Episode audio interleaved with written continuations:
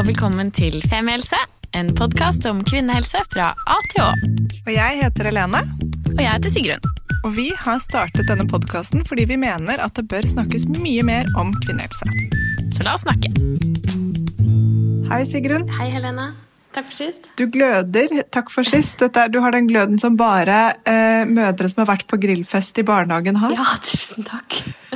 Når man har løpt litt for mye rundt etter et barn som prøver å spise andre barns mat og drikke andre barns kopp, og jeg bare kjenner sånn Jeg orker ikke at du skal bli forkjøla. Nei, det er, det er hovedbekymringen min nå for tiden. Dette har vært liksom hjemme forrige uke, første gang med sykt barn. Og i ny jobb, og man prøver å jobbe samtidig og passe på et barn som egentlig ikke er så sykt. Det er bare litt dårlig samvittighet fordi hun er trøtt og snufs. Og det er bare videomøter hvor hun har lært seg å klatre opp på en stol med et stort glass som hun har i hånden, og roper 'hei'! Um, ja, nei, så jeg kjenner, vet du hva, jeg orker det. Jeg er ikke motivert for det igjen helt ennå. Så um, det var verdt egentlig den kondisøkten på den grillfesten i barnehagen tidligere i dag. Nå hører vi også uh, Tutti i bakgrunnen. Hun uh, var rett og slett litt gira etter grillfest og ikke klar for å sove. Så hvis du må liksom ut og, ut og uh, lalle litt, så kan det skje. Ja, det kan skje. Men um, Ja. vi satser på at det går bra. Men det kan endre også er litt eh, barnegråt i bakgrunnen, så håper jeg dere får melkespreng og vondt i hjertet av å høre på det. Hvordan er det deg, Eller bli Helene? altfor irritert. Ja, blir altfor irritert. Bare slår deg tvert. Du, det er bra. Det er fint. I dag har jeg hatt en sånn start på dagen som jeg elsker. Jeg har vært og tatt badstue Mm. nede på Oslo Badstueforening klokka sju. For sånn er jeg, da. Bare står opp tidlig, jeg. Tar badstue. Mm. Den type glød er du. Bader selv om det er kaldt og ja. Nei, så det er bra. Og så har jeg vært på kontoret, og nå begynner jeg for alvor å jeg vet ikke, Noen dager så får jeg så skjermfatigue. ass, Bare å sitte foran skjerm og jobbe. Jeg blir helt sprengt. Da sitter jeg og ser ut på den blå himmelen og så tenker jeg sånn Hva er det vi mennesker har gjort mot oss selv? Hvorfor, hvorfor er dette blitt livene våre? At vi skal sitte foran inne foran en skjerm hele tiden? Dette var jo en veldig dårlig deal. 100 Og jeg føler også at jeg tåler det ekstremt mye dårligere enn jeg gjorde det før. av en eller annen grunn. Og før, det kan hende at for min del at før er før perm, etter å ha hatt et år skjermfri, at jeg nå skulle sitte åtte dager, fall, nei, åtte timer uten møter, da blir jeg helt, da føler jeg meg bilsyk. Altså bokstavelig talt Ja. skikkelig bilsyk. Så I feel you. Det som er bra, da, er jo at du har et fantastisk kontor. Jeg måtte jo uh, ha en liten retreat på kontoret til Helene forrige uke. Uh, etter uh, at vi møttes og jeg vibrerte av stress. Og du var sånn 'Bli med tilbake til meg'.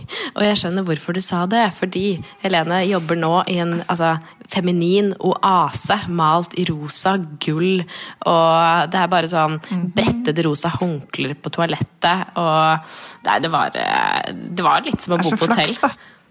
Ja, det er flaks. Det er eh, Fargedagene i sitt uh, selskap, Ja, det tror jeg eh, på. Koi, som har innredet det. Så det føles veldig sånn. Og det, det er bare flaks at jeg fikk lov til å sitte der, så det er dritdeilig. Jeg er superfornøyd. Og jeg må fortelle, jeg gjorde en ting på mandag. Jeg var på skogsyoga. Var du? Hva er skogsyoga Ja. for noe? Nei, er man naken i et det tjern? Det håpet jeg jo. Det var det dessverre ikke. Men det var ute på Romsås, som by the way har kanskje den vakreste delen av Oslomarka jeg har gått til på lenge. Inn mot Liloseter og bak der. Det var helt fantastisk. Det var sånn urskog med bare helt sånn derre Du føler at her har, liksom, her har det virkelig bodd mennesker og gjort ting, men bodd i denne skogen i mange tusen år. Selv om det sikkert ikke stemmer. Men det var bare så veldig sånn stemning der. da. Med Veldig sånn bergsprekker dekket av mose. Det var sånn eventyrskog. da.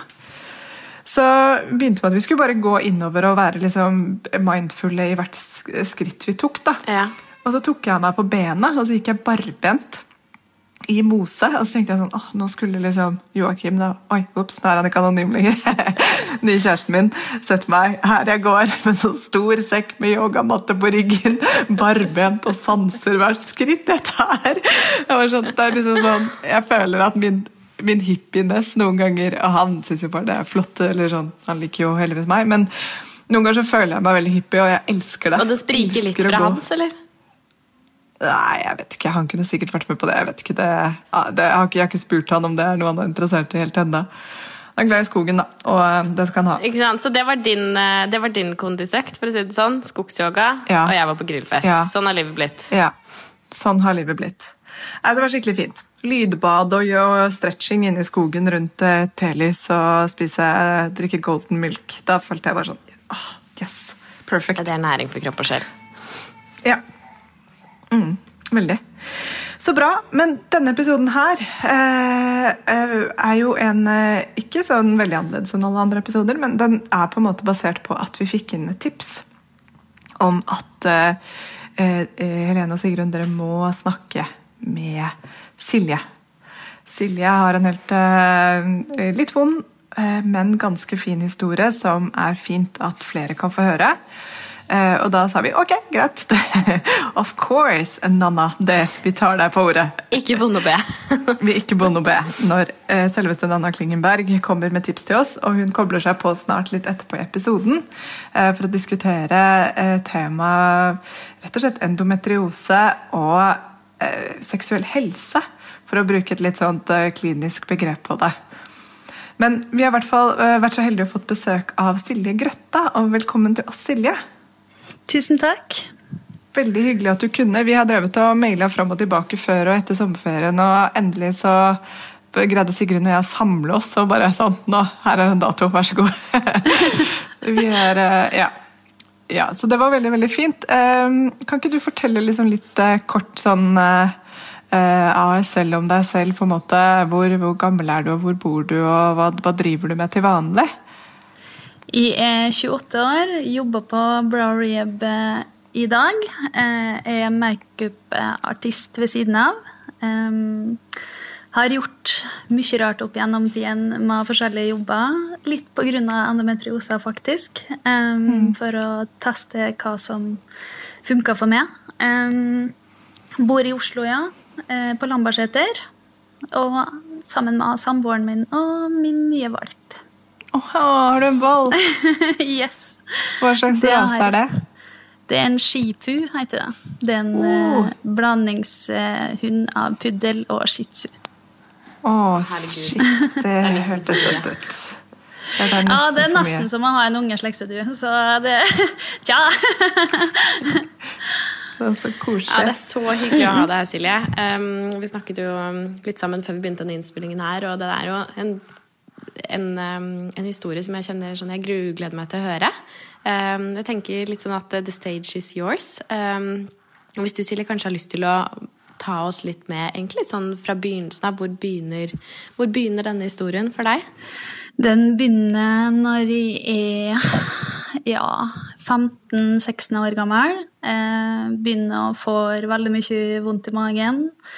Eh, begynner å bli veldig mye utreda for eh, diverse ting og svelger alle slags eh, slanger og tar slanger andre veien og ja, prøver å finne ut av det.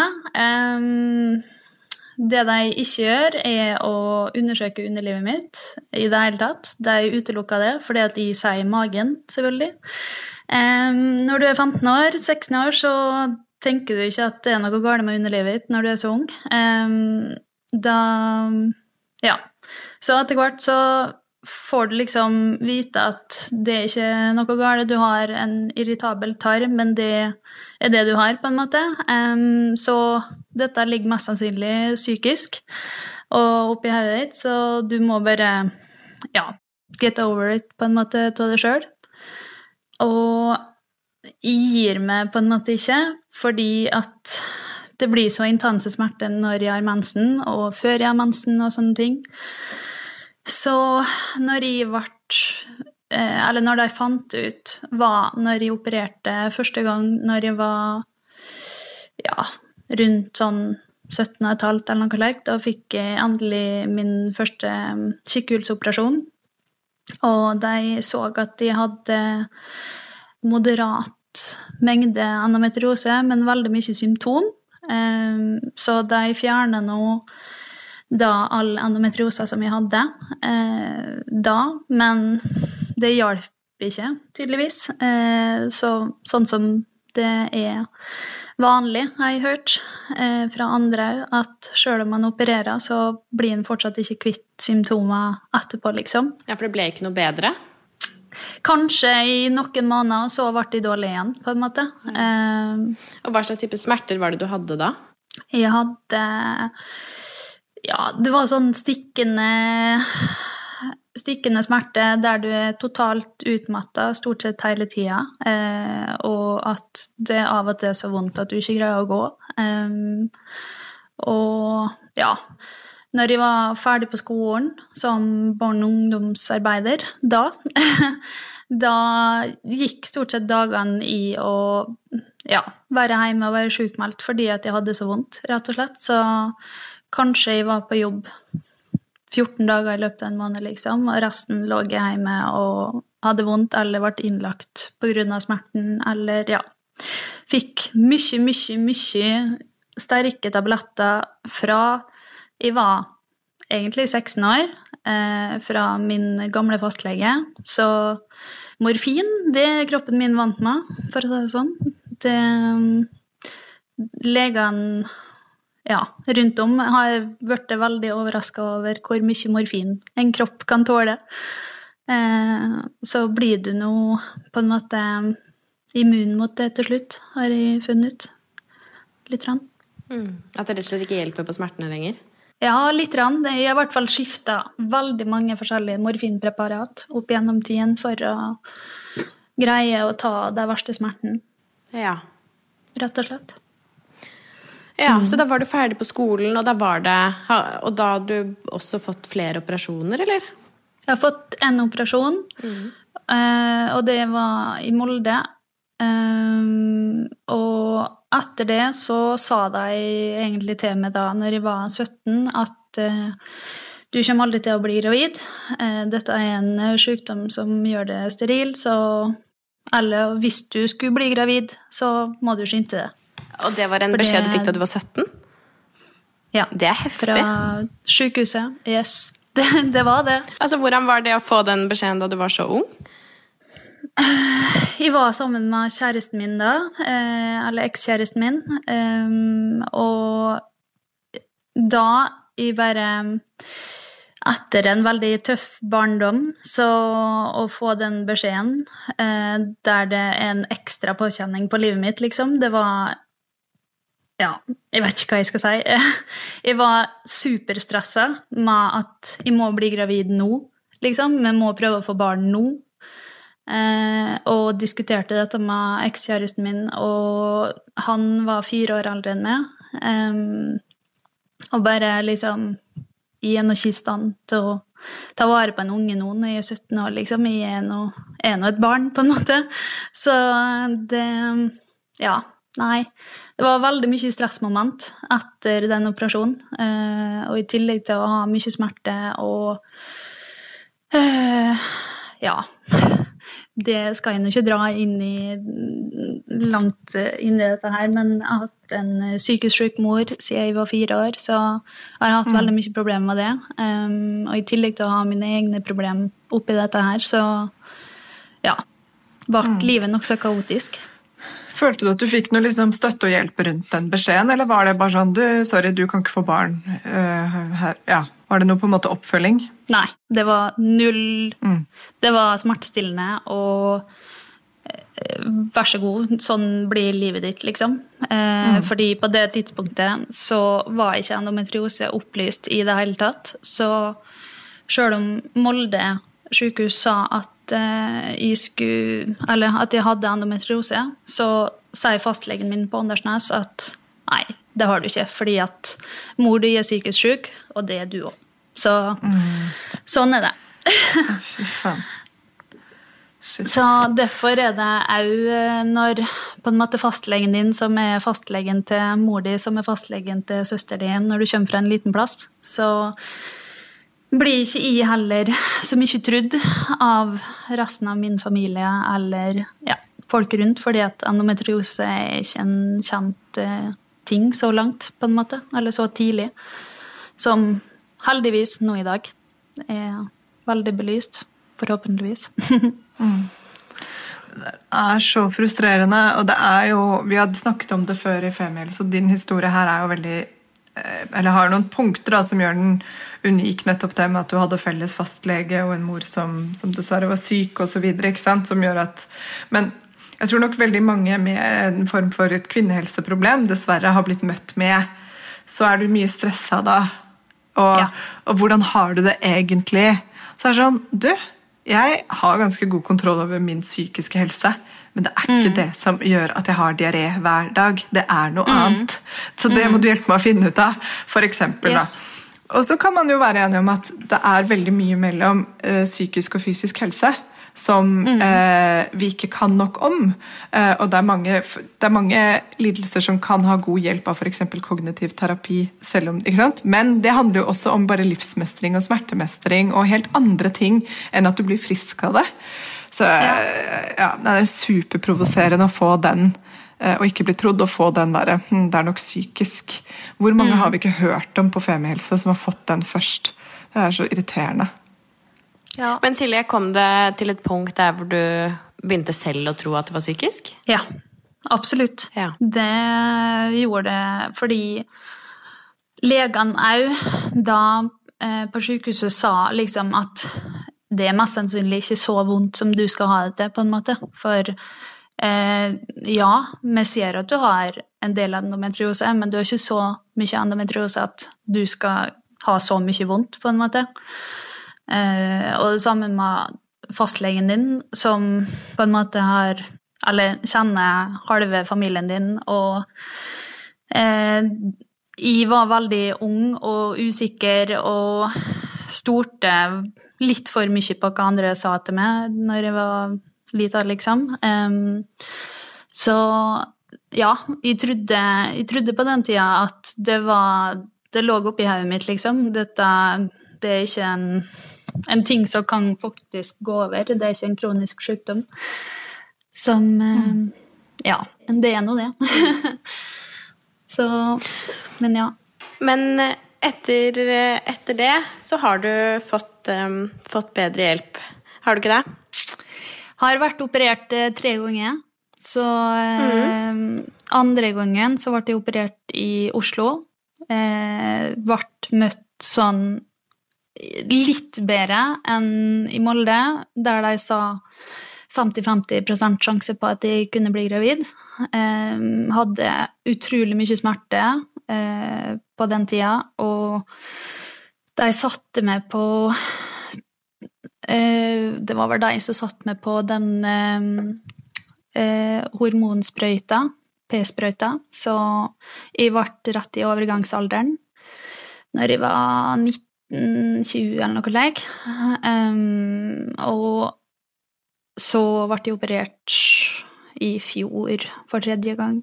Visste du at det var det som skjedde da, da du var 19, da du fikk eh, Altså at du ble satt i overgangsalderen? Nei. Det fant jeg ut sjøl med å lese på beskrivelsene av den sprøyta sjøl. Bare sånn Hva er det som skjer med meg med å gå opp liksom ti kilo og gå og svette konstant og Stakkars, stakkars ekskjæresten min som eh, måtte håndtere disse humørsvingningene som ja, skjedde altså så brått og uventa med at jeg plutselig kunne brase ut i grining eller bli dritsur eller ja. Og det skjønte nå heller ikke familien min, om at ei jente kan gå i overgangsalderen når du er 20 år, på en måte. Det kunne være unnskyldninga til at jeg var sånn som jeg var på den tida. Men så sluttet du altså, Når du da slutter på den behandlingen eh, med hormonsprøyten, eh, hvordan er liksom tilbakegangen da til en, en ikke-overgangsalder? Kommer man i gang igjen, hvis du skjønner hva jeg mener? Eller hvordan funker det? Og mistet du mensen mens du gikk på sprøytene? Ja, det gjorde Ja. jeg. Jeg har eh, gått på mange forskjellige eh, preparat opp til igjen, Prøvd mye forskjellige p-piller og sprøyter og hormonspiral. Eh, og ene første hormonspiralen fikk jeg av fastlegen min, som tok en eh, når Eh, ja, når jeg var sånn 17-18 år eller noe slikt, og satte den inn uten, eh, uten et stetoskop, tenkte jeg, og så at den lå på plass. Og, ja, mye, mye styr med den òg, men da, hun satte den feil, da. Så det òg skapte enda mer problemer mitt underliv i ettertid. Med at hun nesten holdt på å revne opp eh, livmora mi og ja, litt sånne, sånne ting. Men, Wow. eh, så jeg har hatt eh, livmorbetennelse, eh, som òg har skapt at en Ja. Underlivet mitt er ikke Ja, det er ikke så bra som det skulle ha vært. Det høres ut som du har hatt utrolig uflaks, og i tillegg eh, eh, veldig uflaks i ditt møte med helsevesenet. Eh, I hvert fall da. Ja, det har jeg. Men eh, så ble jeg henvist til Trondheim. Eh, helt på slutten av eh, forholdet til jeg og eksen min, der vi fant ut at ok, nå skal vi redde forholdet med å prøve å få en unge. Um, får, uh, får mye hjelp der med at de undersøker meg. De finner ut at jeg har endometriose òg, i tillegg. Um, men de skal liksom gjøre alt for at mm, de skal hjelpe meg med fertilitet og sånne ting. Men da måtte òg kjæresten min eh, avlegge sædprøve for å finne ut av det. Eh, Men altså, Trondheim sykehus, all ære til deg. De, eh, så langt av fem forskjellige sykehus jeg har vært utreda på, så er det Trondheim som har vært definitivt det beste og har hjulpet meg på en måte best er det. Så Men unge blei det ikke. Det ble heller et avslutta forhold når en prøver å skal få en unge opp i et forhold som egentlig ikke burde være et forhold lenger. Så ja. Men eh, jeg ble gravid. Det sa jeg til dere litt i starten òg, at eh, jeg ble gravid en gang rett eh, nokså rett etterpå. Jeg ble slutt med eksen min. Veldig, veldig ikke lurt på det tidspunktet. Um, og Og da ble dere gravide naturlig, eller? ja, det ble vi faktisk, Ja. fordi at jeg gikk uten Da slutta jeg på den sprøyta. Uh, og jeg hadde gått ni, ti, elleve måneder eller noe slikt uten noe uh, prevensjonsmiddel.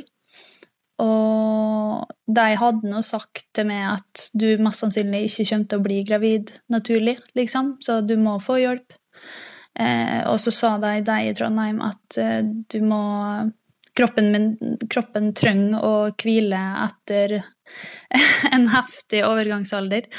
Em, så da Ja, da ble jeg gravid, og de anbefalte meg på det sterkeste når jeg bodde i Ålesund eh, og var på Ålesund sykehus, at jeg skulle beholde den ungen. Eh, kun fordi at da kunne jeg bli kvitt endometriosa, og snakka rundt med veldig mange om det var lurt på det tidspunktet for meg generelt, både økonomisk og for at jeg kom til å bli alenemamma, liksom. Um, men uh, valgte da å ta abort, og det er vel kanskje en ting som jeg ville belyse mest i denne podkasten her, er å på en måte ta det valget når du vet at du har fått eh, den beskjeden at du aldri kommer til å få en unge, så får du den ungen, og så tar du abort, og i mitt uflakse tilfelle så måtte jeg ta abort tre ganger for at den ungen skulle bli borte. Um, så jeg måtte ta to sånne tablettbehandlinger først, og eh, etterpå ta en eh, utskrapning. Og da, etter de våkna av narkosa, da, så sier de at da veit vi fortsatt ikke om du kan bli gravid på nytt, siden vi måtte ta en ny utskrapning av det. Så ja, det er litt sånn på stadie null. Men eh, Ja. men når jeg var singel eh, og mista litt sånn kontrollen over meg sjøl etter den abortperioden der, og bare sånn Ok, nå har jeg levd med smerte, jeg har levd med mye dritt opp gjennom tiden, liksom, så nå må jeg ta kontroll over livet mitt, og ikke minst min seksualitet, som har vært ikke bra over så mange år. Eh, for at jeg skal få det bra, men òg for at jeg vet ikke, På det tidspunktet så var jeg så sjukt langt borte av meg sjøl, på en måte. Ehm, så hadde sex og bare egentlig ikke hadde bra sex. Eh, jeg hadde det bare for en slags sånn Hva jeg skal si Prøve å finne et slags eh, håp om at ok, kroppen min er normal, kroppen min kan ha sex uten at det gjør vondt. Bare ignorere alt som var, da, på en måte, etterpå. Um, men uh, nå i dag så har jeg heldigvis uh, tatt tilbake den kontrollen. Har det kjempebra med min nåværende samboer og tatt tilbake mitt sexliv, heldigvis. Så ja. Til slutt så går det an. For Silje, har du lyst til å si litt om hvordan eh, nettopp det å leve med smerter og kronisk sykdom i så mange år påvirker sexlivet? Eller har påvirket ditt sexliv, da? Det Først så starta det egentlig med at de fikk vaginisme uten at de visste om det sjøl. Um, og hadde vondt stort sett hver gang jeg hadde sex. Um, og smertemessig så kvidde jeg nå både for vaginismen sin skyld, men òg for endometriose sin skyld, at det kjentes ut som at du stakk en kniv inn i det, liksom, for hver gang. Um, og det å greie å ta tilbake den følelsen der du faktisk på en måte greier å nyte sex igjen, det, det har tatt altså Ja, hvor mange år har det tatt? Det, jeg tipper at det har tatt i hvert fall ja, fem år for å greie å vri om hodet ditt eh, skikkelig psykisk, på en måte, til at dette her kan gjøre eh, godt, på en måte. Det skal ikke være en vond ting, på en måte. Så ja. Mm. Er det noe du har fått hjelp til, eller? Nei Det tror jeg ikke Jeg tror ikke jeg snakka med noen leger om det tidligere. Eh, jeg har nå sagt at det er vondt. Er det noen leger som har spurt deg om det? Nei. Det er det i hvert fall ikke de hjemme på den kanten. Det kan hende noen her i Oslo har gjort det nå i nyere tid, men uh, ikke så kjøm, kjøm, på, liksom. Det syns jo jeg er så fascinerende med alt det vi går igjennom, og alt det som, som man går og snakker med fastleger og leger om. At mm. uh, man ikke får den Og forresten, hvordan går sexlivet ditt oppi dette? Hvordan er den seksuelle helsen din? Som jo vi mm. vet at det er en så viktig del. Jeg har jo, altså, Ikke for å snakke om meg, da, men jeg har vært med mange utredninger for IBS ikke sant? og hatt mye problemer med magen siden tenårene, egentlig. Og mm. finner aldri ut hva det er. Men det er ingen som har spurt meg og forresten, det at du har mye vondt i magen og, og blir ofte dårlig, har det liksom noen gang påvirket sexlivet ditt? eller sånn, og og klart det gjør det å gå rundt og føle seg oppblåst og sliten og sånn, gjør jo at man har mindre lyst på sex til tider. Det har heldigvis ikke vært en stor greie akkurat der, men jeg bare synes det er så interessant at det aldri liksom er en aldri et spørsmål. Og som, som helsepersonell så kan en jo sitte på ganske mye god kunnskap om det. Sånn, ja, ok, det du kan gjøre da eller, altså, Så man kan få litt råd og mm. tips, da. Mm. Men, og jeg tenker at dette er et strålende tidspunkt å si velkommen til vår kjære Nanna Klingenberg eh, på, som er jo da eh, sexolog og rådgiver i Foreningen FRI. Eh, med mindre du har skiftet jobb siden sist, Nana. du er fortsatt Du er mutet, men um, Sånn, nå hører dere meg godt. Sånn, ja, der er du. Um, for du har jo vært på besøk hos oss i Femihelse før, og det er veldig hyggelig å ha deg tilbake, Nanna. Velkommen. At, at, tusen takk. Det er skikkelig hyggelig å være tilbake. Det har vært altfor lang tid siden sist. Ja, enig med deg. Dere kan ikke kalle meg hussexolog når jeg er så sjelden med. okay. En gang i uka fra nå. Men Anna, nå har du, du har jo, mm, kjenner jo Silje litt fra før. Nå har du jo sittet og hørt på historien som hun har fortalt oss. Og spesielt når det kommer til det siste her, altså um, Dette med uh, oppfølging fra helsevesenet Eller kanskje ikke oppfølging, men egentlig bare det å tørre å snakke om, om sex eh, i forbindelse mm. med eh, kanskje spesielt endometriose, men også andre sykdommer. Er det, noe, er det vanlig at det er, eh, at det er så uvanlig å ta det opp som man får inntrykk av? Jeg er redd for det. ass. Jeg er redd for at uh, altså Generelt i helsevesenet så er det jo veldig vanlig at man ikke snakker om seksualitet i det hele tatt.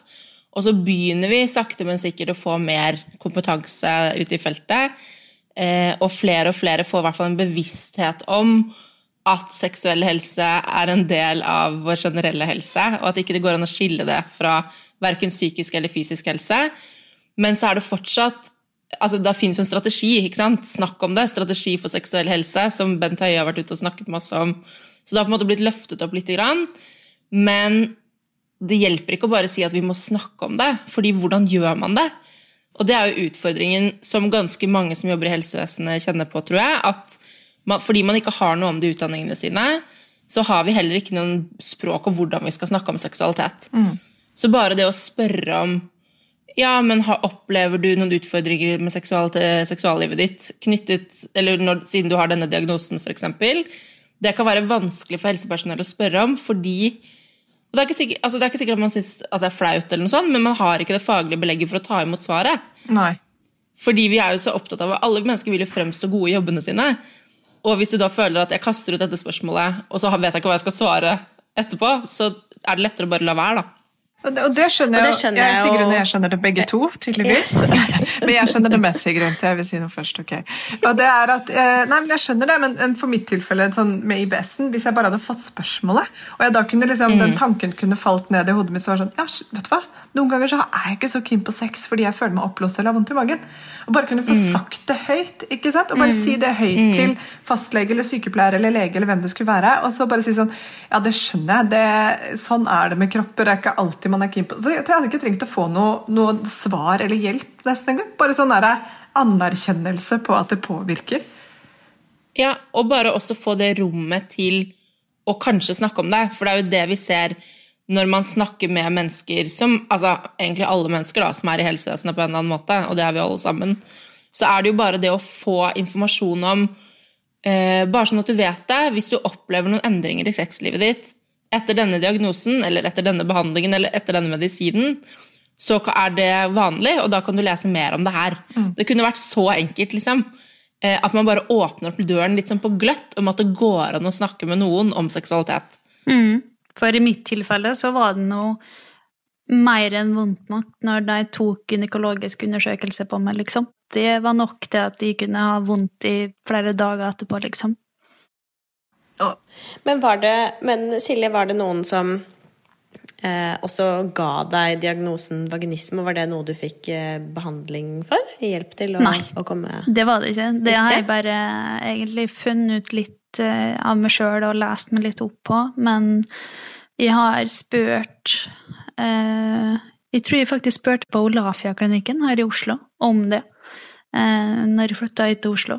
Eh, og bare Ok, nå har jeg hørt om dette her litt, og er mine symptom sånn som vaginisme er, liksom? Og da bekrefta jeg det, liksom. At, eh, og i forhold til eh, at det var så vondt å ta en gynekologisk undersøkelse på meg, så sa jeg at det har jeg nok hatt i veldig mange år, siden jeg har hatt så ekstra vondt da, når jeg har hatt sex.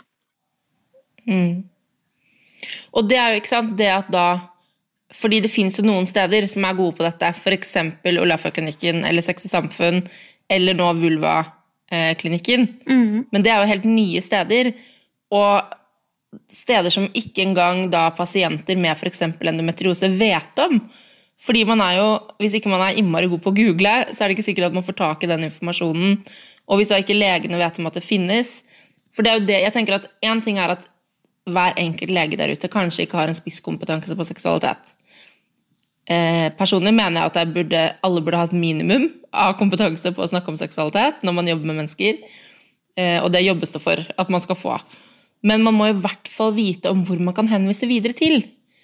Og ha bevissthet om at det finnes heldigvis nå steder som har en spisskompetanse. For da hadde du sluppet å gå alle de ekstra omveiene. da. Ja. Eh, og nå har jo du gjort en megajobb selv, men du skal være ganske ressurssterk for å få til det du har fått til. Ja, og de tilbudene du snakker om også, Nanna, er jo eh, i stor grad storbybaserte.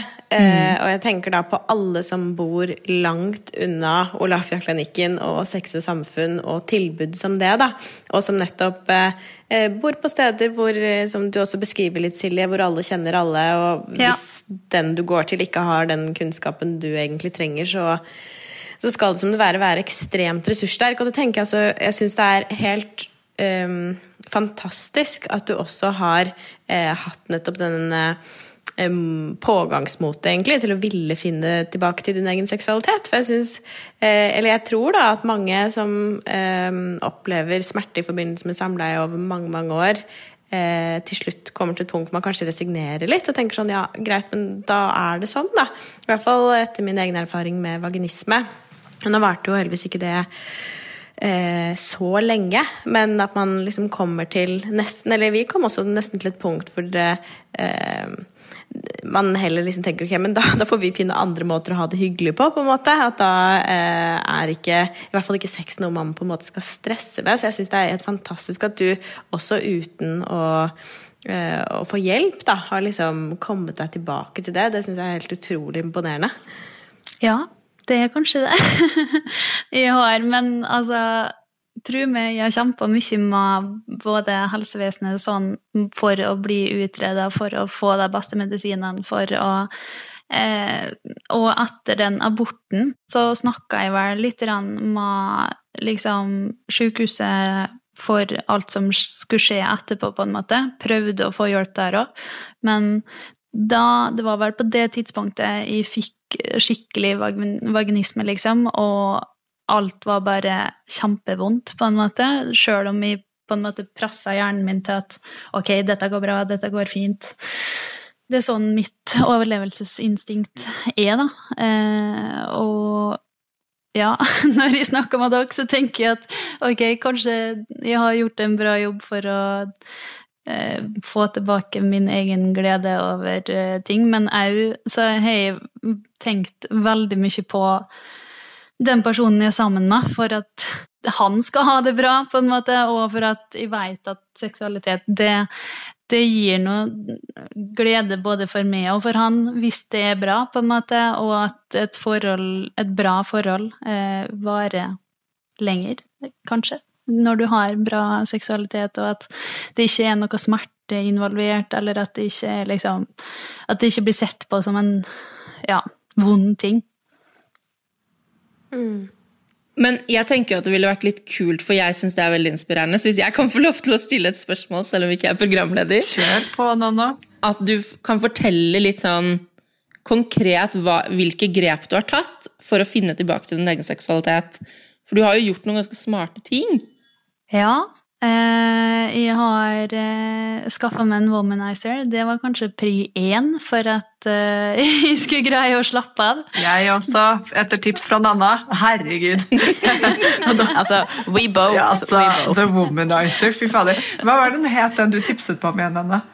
Husker du det? Å, det hus Nei, det husker jeg faktisk ikke, men det kan vi legge Jo, ut. Jeg Ja, vi må legge det. ut. Ja, vi må legge det ut. Det er i den forrige episoden Anna var Nei, jeg tror det er faktisk du har skrevet det på Facebook. Ja, Anna. Ja, det tror jeg òg. Ja. ja ok, vi får dele det. Ja, ja, ja, jeg fikk, ja, ja, nei, den der, ja, det var som en venninne av meg sa sånn her men denne her trenger man nesten ikke menn lenger. Jeg bare, nei, ok. nei. Heldigvis. Men uh, det er ikke helt sant da. Men den er, den er fantastisk. Anyways, vi skal dele link til den. Helt magisk. Ja, ok, Womanizer. Fortsett. I hvert fall på mitt tidspunkt med den verste vaginismen, så var det liksom den som greide å gjøre at de slapp av i, både alene og liksom sammen med folk, på en måte. Så eh, det var det kanskje den som har hjulpet meg mest gjennom hele, hele den eh, å ta tilbake min egen seksualitet, liksom. Egentlig. Hvordan fant du på å gjøre det, da? Nei, hvordan Det tror jeg faktisk var bare ei venninne som hadde kjøpt seg en womanizer, og bare Oh my god, dette her må du teste ut, liksom. Jeg bare Nja, hjelp dette her, liksom. Så og så snakka jeg med de som var på kondomeriet, og fortalte faktisk min historie til deg, og de bare Ok, womanizer, it's your thing, liksom. Så jeg bare Ok, da kan jeg gi det en sjanse, da. Men så har du også vært innmari god på kommunikasjon. Ja. Det synes jo, Som sexolog er jo det veldig imponerende og inspirerende. fordi sexologer sier jo hele tiden sånn Vi må passe på å kommunisere, men hvordan gjør man egentlig det? Det er jo ganske vanskelig. ja. Ja, jeg tenker i hvert fall når du på en måte, da går inn i et nytt forhold. Um, ja. Ja. Det Jeg var sånn Jeg tror vi var på kanskje fjerde-femte date, og jeg bare 'Jeg har endometriose!' Og så måtte han liksom han, han tok nå all research han kunne gjøre for å finne ut hva det var. Han fikk eh, litt småpanikk og bare sånn 'Hæ? Hva er det for noe?' liksom? Og jeg bare 'Nei da'. Og så forklarte han alt sammen hva det gikk ut på, men òg at jeg ikke veit hvordan eh, det blir med å få unger i framtida osv. Men òg i forhold til sexlivet vårt at det kommer til å bli litt vondt av og til. At eh, det er ikke alltid vi kan ha sex, men at vi må bruke womanizer for å ha sex og så videre. Du bare 'Endometriose er ikke så farlig, bare kom her. La oss bare bli kjærester først.' Det er noe, det er ikke noe big deal, bare Kommer ikke til å merke noe, du. Uh, good days and bad days. Exakt. Ja, men det er fint, det. Ja. Nei, og jeg tror eh, For jeg, jeg stusset så veldig over eh, Det er jo en litt sånn liten side note, da, men det er veldig egentlig på womanizer-sporet på at eh, noen sånn anbefalt behandling på vaginisme, eller kanskje også mest på vestibulitt, er jo disse, små, disse glassdildoene du får utlevert fra Rikshospitalet hvor du skal tøye. Så inn og tøye med glassdildoer i ulike størrelser. Og det som alltid har slått meg med den tøyingen, er at Og det, jeg vet ikke, det godt hende at det funker for mange, men det er ikke noe pleasure i det. Det er ikke noe, det er ikke noe, altså sånn, det er ikke noe glede eller sånn, sånn ro i det. eller har jeg aldri hørt Det om. høres ikke så hyggelig ut. det ser ikke noe hyggelig ut. Det ser ut som nå skal vi tøye opp vaginaen din fordi den har stramma seg til. Det er som å være hos kiropraktoren på en måte, og bare knekke opp noe. Og det, så jeg har drevet sånn, jeg, Sigrun og jeg bokstavelig talt fantaserte sammen med Sigrun om at vi skulle gi ut en sånn sexleketøyserie for eh, eh, personer med eh, som har hatt vondt eh, for å ha sex. da. At vi skulle prøve liksom å finne sånn beste glidemiddelet, de beste liksom hjelpemidlene. Og så også sånne store bomullstruser. at alt skulle være sånn Sexy- men sexy store Ja, at vi bare skulle lage en sånn kolleksjon med sånn, alt som er sånn mykt og sensuelt, og som kanskje kan være med på å gjøre ting litt hyggelig igjen. da. Kanskje. For jeg, jeg bare stusser over at liksom, behandlingen er sånn kalde glassdildoer. Det, det høres ut som womanizer mye, selv om det er en annen funksjon. da. Har aldri hørt om det en gang. Nei, Har ikke fått tilbudet fra noen før. Nei, det er et ganske vanlig tilbud, men, og jeg tenker at det sier jo også noe om hva man tenker at sex er. Hvis sex Hvis behandlingen for å få til et bedre sexliv igjen bare handler om å åpne opp skjeden, på en måte. Eh, fordi sex er veldig mye mer enn penetrerende samleie eller penetrasjon generelt. Sånn at det at eksempel womanizer, eller det der med fokus på klitoris eller fokus på andre deler av kroppen, det å få rom til å ja, nettopp kunne snakke om at kanskje ikke, kan vi, kanskje ikke vi kan ligge sammen i dag eh, på den måten, men det er ganske mange andre ting som vi kan finne glede i. Og i hvert fall når man snakker om vaginisme, så er det jo veldig hensiktsmessig nettopp å ta vekk hele den liggedelen fra, fra problematikken. Og heller, man kan jo være intim på mange andre måter og få til en seksuell tenning uten at man trenger å være redd for at det skal gjøre vondt, fordi det fins andre måter å ha sex på. Som jeg tenker at man burde løfte frem mye mer da, og snakke mye mer om. Og det ville jo vært hvis man f.eks. hadde sexologer knyttet til de forskjellige helseinstitusjonene, så kunne det vært helt naturlig at ja, men f.eks. du, Silje, som får diagnosen og som har smerter, kommer og snakker med en sexolog, og vi kan snakke om hvor, hva er seksualitet for deg, hvilke ønsker har du for egen seksualitet, hvordan ønsker du at det skal være, og så kan man finne ut et opplegg som kan fungere for deg, også på de dagene hvor du har smerter, hvis det er sånn at du da allikevel har lyst til å ha en seksualitet. Ikke sant? Sånn at det er jo den der, ja, jeg syns det er provoserende at eh, den eneste behandlingen man kan få tilbudt, nesten, er eh, nå skal vi utvide skjeden din. Selv om det også er viktig for mange, men det burde vært mer enn det. da. Og nå heldigvis er det mer kompetanse, men som dere sier, den ligger ofte i de større byene. Jeg skulle ønske at dette var allmennkjent og tilgjengelig. Ja, for, Ja, det er jo som jeg fortalte tidligere i Femihelse også, da jeg hadde kronisk eh, soppinfeksjon og vaginisme og eh, var hos fastlegen min for tolvte gang. Um, og til slutt foreslo selv om kanskje du kan henvise meg til Vulvapoliklinikken. Eh, Og hun da ringte først til legevakten, til vakthavende gynekolog der, og bare sånn Har du hørt om Vulvapoliklinikken? Eh, han bare sånn Ja, vi henviser dit hele tiden. Og dette var en ganske eh, Ja, en ung lege i, som man skulle tro visste om dette. Så det sier det også noe ikke sant, tilbake til liksom, kjennskapen og kompetansen hos den enkelte, som burde vært på et mye høyere grunnleggende nivå, da. Ja, Men ehm, For sånn som du, Ja. Nanna, har jeg hatt en sånn person som du når jeg var 16-17 år og fikk vite dette her. Altså, ja. Det sjuårig lange forholdet mitt som jeg hadde, det Ja. Jeg, jeg syns litt synd på den, faktisk, i forhold til at jeg ikke hadde noen å prate med om, om hvordan jeg hadde det, og bare tenkte at ok, det er sikkert sånn det er, på en måte, og ja, stakkars han, på en måte, så jeg må bare Vi må bare gjøre ting som alt annet enn vanlig sex, på en måte, så finne andre løsninger, liksom. Det Ja, han må Når du har endometriose og vaginisme samtidig, så må du tenke veldig kreativt for å At ikke minst at du skal ha det bra, men i mitt tilfelle så gikk jeg rundt og tenkte på han hele tida. Eh, for at han ikke skulle i det hele tatt gå fra meg, da, fordi at det ikke ja, var bra, på en måte. Og at de lå der med smerte, og vi ikke hadde sex, og det var så mange dårlige ting, liksom. Så hvis det har kommet en sexolog inn i det, inn i det bildet der helt fra starten av, når han får den diagnosen, både med vaginisme og endometriose og alt som handler om ja, generelle kroniske sykdommer, tenker jeg, da. Fordi at han blir nå utmatta uansett hva det er som feiler en fysisk kropp, på en måte. Ja, og smerter i underlivet, litt sånn, eh, og underlivet i sin bredere forstand. ikke sant? Det trenger ikke å være bare i vulva, eller bare liksom, eh, smerter i nedre del av magen og menstruasjon, Og at man også ser på det i større grad som en helhet, tenker jeg også er eh, Ja, ja. eh, kanskje litt viktig, altså, eh, for å kunne nettopp dekke alle disse tingene. Og også bare generelt når vi skriver ut medisiner til alt mulig rart. Altså alle mulige former for medikamenter kan ha en eller annen form for påvirkning på seksuallysten din. Og det å få en informasjon om det trenger ikke å være mer enn at hvis du opplever noen endringer i seksualiteten din, eller lysten din, eller hva som helst etter at du begynner på denne medisinen, så bare si fra, så kan vi finne ut av det. Så har du noen å snakke med om det. Bare få den, den, altså den tillatelsen til at dette er noe man også kan snakke med legen sin om. Mm, men bare det å få en henvisning til en sexolog, tenker jeg, å få det alternativet. Si ifra hvis du faktisk trenger det.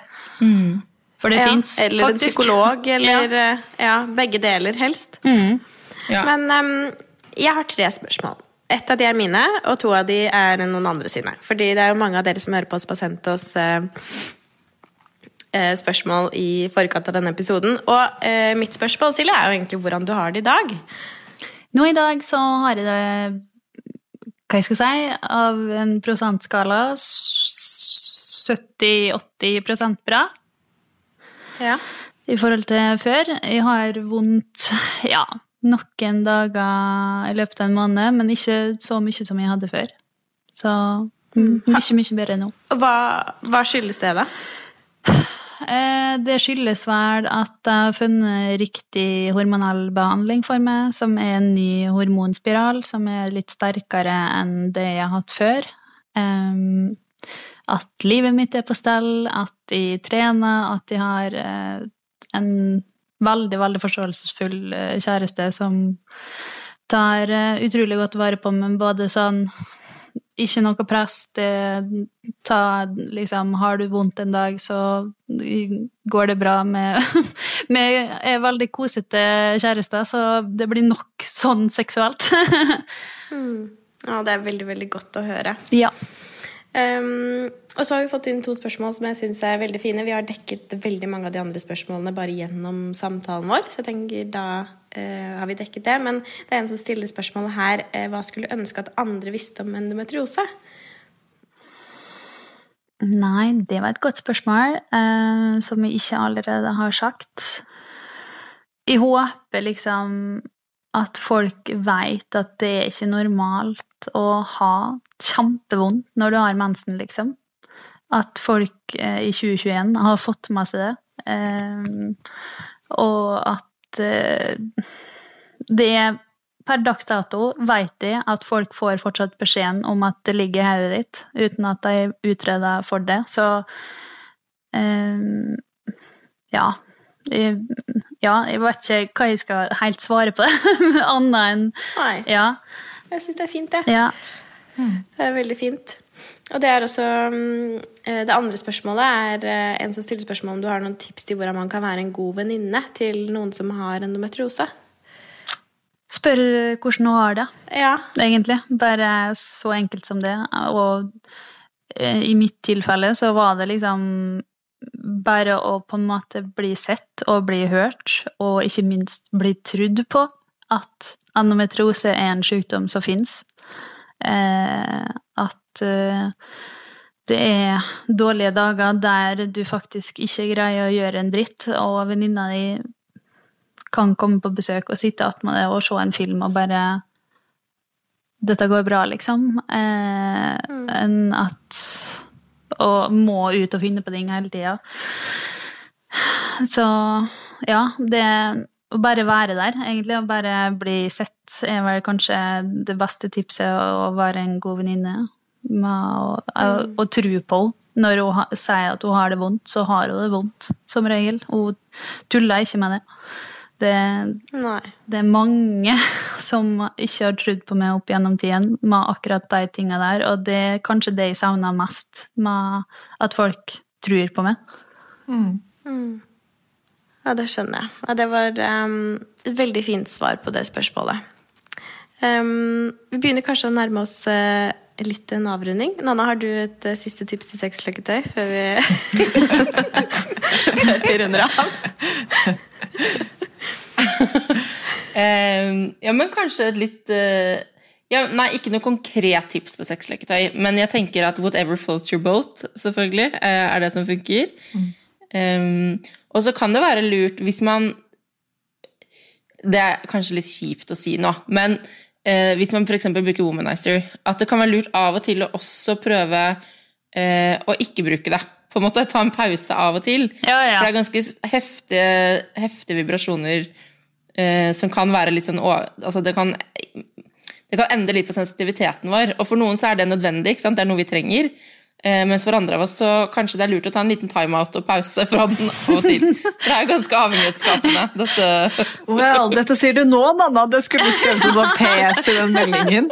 Neida. Men jeg har faktisk et lite oppfølgingsspørsmål, på, for satt, det var en tanke som satte seg fast der, og, og litt som Silje snakket om, og som jeg også var inne på, dette med man eh, Nanna, Om du har noen eh, veldig sånn kort eh, eller Du kan snakke så lenge du vil, egentlig, men tanke om det med å sette grenser hvis man er syk og har vondt. Altså, og Hvordan man kan gjøre det på en positiv måte og si at, at nå har jeg ikke lyst til å ha sex. Altså, det tror jeg veldig mange kjenner på den dårlige samvittigheten i forbindelse med det. Om du kunne liksom avslutningsvis runde litt av med Hva kan man si på det? Ja, for det er fort gjort at man føler at åh, nå har jeg vondt, og du vil ha sex, og jeg føler at jeg avviser deg gang på gang, og jeg, det føles kjipt. Og da tenker jeg nettopp det derre å eie sin egen diagnose, og ikke kjenne, prøve å unngå å føle på en slags sånn skam eller dårlig samvittighet. For det er veldig typisk da, at jeg sitter og har vondt, og så føler jeg også en dårlig samvittighet overfor partneren min over at jeg nok en gang må avvise. Eh, sånn at da istedenfor at det ender opp med en sånn at begge har det litt kjipt, og si det at du, vet du hva, jeg har skikkelig vondt, men jeg har kjempelyst til å være nær deg. Jeg har skikkelig lyst til Jeg har skikkelig lyst på deg, men jeg får det ikke til sånn som jeg har det nå. Men kan vi liksom ligge inntil hverandre? Kan vi ligge nakne hud mot hud? Kan vi kline? Eh, kan vi få til å ha en nærhet på en annen måte? Kan vi legge oss i badekaret sammen? Fordi bade, varmt badekar er smertelindrende for meg. Kanskje det kan være en fin og intim greie vi kan gjøre. Uh, uten at det føles som en avvisning, da. Og så er det også lov noen ganger å ha så vondt at man bare vet hva, jeg trenger å ligge på sofaen under et varmt pledd med en varmeflaske på magen. Jeg elsker deg akkurat like mye eh, likevel, og jeg syns du er like deilig. Bare akkurat i dag så funker det ikke. Sånn at begge deler går, men det der å finne på andre måter å si at ikke det bare blir sånn åh, gå vekk, jeg har vondt, men at jeg syns du er megadeilig, men jeg har så vondt nå, kan vi gjøre noe annet i stedet? Ja, og så tenker jeg jo De aller fleste har forståelse for det, men jeg tror ofte baugen ligger i å orke å si det. ikke sant? Det er nettopp det der med den frykten for å avvise som, er, eh, som kan være vond. da, og det, det Poenget mitt var liksom at det er så fort gjort å få dårlig samvittighet for det. Og som blir en sånn ekstra byrde på toppen av eh, smerte eller sykdom, da, eller hva det skal være. Ja, i hvert fall hvis man også da kommer til det punktet at man blir på en måte redd for å kose fordi man igjen blir redd for at det skal bli oppfattet som en invitasjon, enten den ene eller den andre veien. Um, det kan jo fort bli en vond sirkel også. Veldig enig i den. Ja, og det er jo eh, det, det trenger ikke å handle om sykdom heller. Altså det kan være sånn generelt noe man opplever i livet sitt. At i perioder så har man mindre lyst på sex enn andre ganger. Og da kan de avvisningene Ja, det kan føles vanskelig å bare kysse fordi jeg er redd for at du ender med å tro at vi skal ligge, og det skal vi ikke nå. Så kanskje man kan si det fra start. Vet du hva, jeg er skikkelig sliten, men jeg har så lyst til å ligge inntil deg. Kan vi bare, kan det være nok i dag? Eh, og så kan vi glede oss til neste gang. vi har lyst på noe mer, liksom. Men at man er tydelig på at man fortsatt liker personen, partneren sin. da. At det ikke er en sånn 'jeg avviser ikke deg fordi jeg ikke har lyst på deg'. Jeg har lyst på deg, det er bare ikke akkurat nå. Eller ikke akkurat i dag. Ikke sant? Det er, Og så kan man eh, finne på andre kule måter da, å være intim på. ikke sant? Plutselig så oppdager man at å ligge nakne sammen i badekaret det er jo faktisk megadeilig. Ja. Kanskje det blir den nye greia. Ja, ikke sant? Eller at det finnes masse andre former da for intimitet som kan funke i den prosess, altså i, i der man er. ikke sant? Om det så skulle være at man spiller kort, skjønner du hva jeg mener? At man bare er, er der for hverandre i, liksom, de, i de opp- og nedturene også, da. Eh, som også er en form for intimitet. tenker jeg. Ja. Mm. Ok, Nei, men så Da var den tanken ut av mitt hode, i hvert fall. Da fikk jeg sagt det. Så ja. Jeg tror dette er egentlig en samtale vi kunne uh, fortsatt i mange mange timer. Um, men jeg føler vi har fått snakket om veldig mye. Og tusen tusen takk, Silje, for at du deler din uh, historie. Uh, akkurat som jeg sa før vi begynte, jeg trodde den skulle bli sterk, men viktig, og den har vært begge deler. Um, og jeg håper at um, ja, at den er fin å høre på for dere som er der ute, og som går gjennom noe av det samme som Silje har vært gjennom. Um, og Nanna, som alltid, en glede å ha deg her sammen med oss. Uh, du er så klok og god uh, og svarer så fint på alle våre spørsmål. Så um, ja. Er det noen som har lyst til å si noen avsluttende ord, eller skal vi si takk for i dag? Nei, jeg tror vi skal si takk for i dag. Nå er det jo en womanizer som venter på oss alle sammen, er det ikke det? Ha da Ha det! Nei, takk for i dag, dere. Takk til alle dere som hørte på. Vi snakkes. Det. Ha det. Ha det. Tusen takk for at du hørte på podkasten vår. Selv om det forhåpentligvis kommer tydelig frem, så vil vi understreke at vi ikke er helsepersonell. Ja, så Som vanlig, kontakt legen din om du har noen spørsmål eller om du skal begynne på noen form for behandling. Og har du et tema som du har lyst til at vi skal snakke om, eller noe ris eller ros, så send oss gjerne en melding på Facebook eller på Instagram. Der finner du oss under Femihelse. Og du kan gjerne rate oss på iTunes, det er skikkelig hyggelig for oss. Ha en fin dag! Ha en kjempefin dag!